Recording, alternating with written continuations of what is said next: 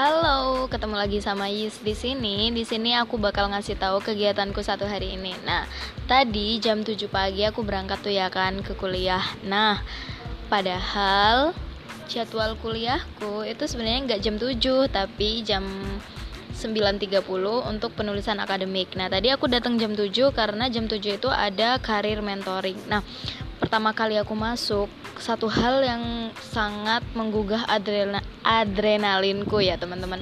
Yaitu adalah ketika aku melihat semua orang-orang sukses yang berdiri di depan sana. Dan aku berpikir aku harus berdiri di sana mungkin suatu hari nanti gitu. Entah aku nggak mau nentuin kapan waktunya biar aku juga nggak begitu terlalu sakit misalkan itu ke nggak jadi nggak begitu kecewa misalkan itu pun gagal gitu.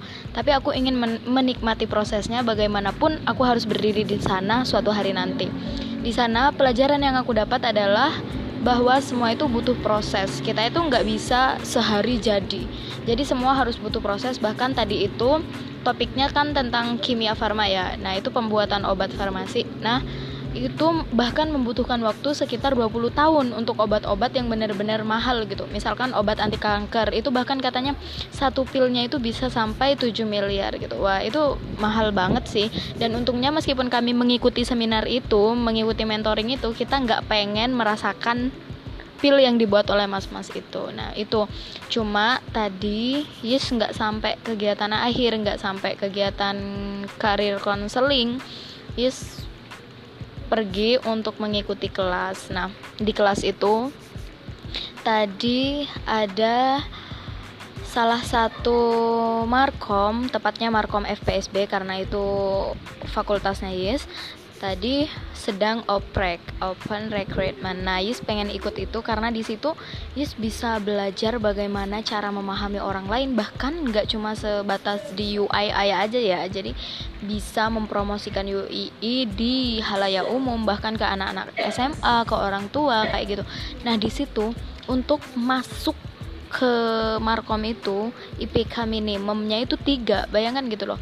Maksudnya masih ada satu syarat yang benar-benar itu tentang akademik. Jadi nggak bisa disepelekan ya akademik itu. Seperti kalau misalkan digabungin sama yang tadi karir mentoring. Nah beliau bilang kalau pas karir mentoring itu pas di karir mentoring itu beliau bilang bahwa IPK itu memang nggak penting karena yang penting adalah kemampuan kalian. Cuma data itu penting. Nah, banyak data yang menyebutkan bahwa 90% perusahaan itu menerima fresh graduate itu berdasarkan nilai IPK-nya. Nah, di sini IPK memang nggak penting, tapi data penting dan data menyebutkan bahwa IPK itu penting dan pada akhirnya IPK itu penting untuk saat ini entah beberapa saat nanti mungkin udah nggak penting lagi ya.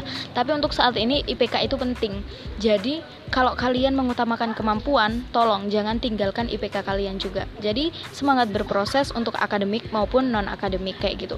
Terus barusan His baru aja mengikuti sebuah seminar yaitu tentang UI Learning. Di sini juga launching sekalian kan. Nah, di sana ada empat narasumber yang keempat-empatnya itu beliau adalah penerima beasiswa. Ada yang dari Australia, ada yang dari Jerman, ada yang dari Spanyol dan Portugal. Ya, Portugis, Portugal, emboh. Nah, di situ keempat-empatnya mengatakan bahwa untuk mendapatkan apa yang kita impikan adalah fokus on the track. Jangan pernah keluar dari track yang pernah kalian buat. Seperti yang episode-episode podcast sebelumnya Is udah pernah bilang kan, jangan pernah pergi dari track yang telah kalian buat. Kalau kalian udah menentukan jalan kalian ke depan, terus fokus. Karena sekali kalian berleha-leha, kalian akan hilang satu fase untuk menuju kesuksesan kalian kayak gitu.